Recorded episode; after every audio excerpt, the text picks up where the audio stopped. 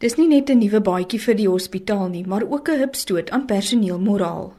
Die kliniese bestuurder van die Nysna Hospitaal, Dr. Andrius Brink, sê almal het goed saamgewerk tydens die ontruimings en terwyl hulle pasiënte vanaf 'n plaaslike sportveld behandel het.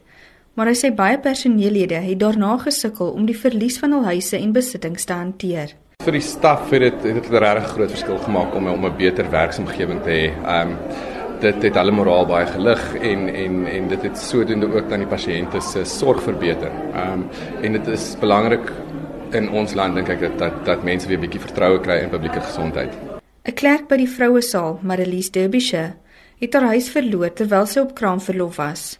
Sy sê dit is steeds 'n daaglikse stryd, maar ten minste help haar nuwe werksomgewing om haar gemotiveerd te hou. Dis soos 'n nuwe blommetjie wat groei uit die as uit. Jy weet, dis dis ietsie wat weer mooi lyk en pragtig lyk en dit gee jou daai trotse gevoel om om aan te gaan en en dit gee jou baie uh, motivering om in so om so trots te wees op daar waar jy werk. Die Weskaapse minister van Gesondheid, Noma French Mbombo, het die nuwe pediatriese vroue en mansaal asook die teater en kombuis amptelik geopen.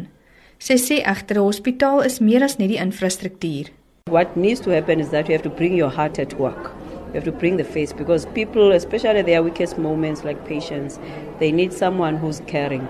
Therefore, these buildings, new infrastructure, it shouldn't only remain about beautiful, innovative, uh, energy saving uh, sort of infrastructure, but also it must also reflect the people inside. As deel van die opknappingsprojek is die hospitaal se noodsentrum in 2014 geopen. In totaal het die projek 55 miljoen rand gekos. Ek is Tanya Krause op Nysna.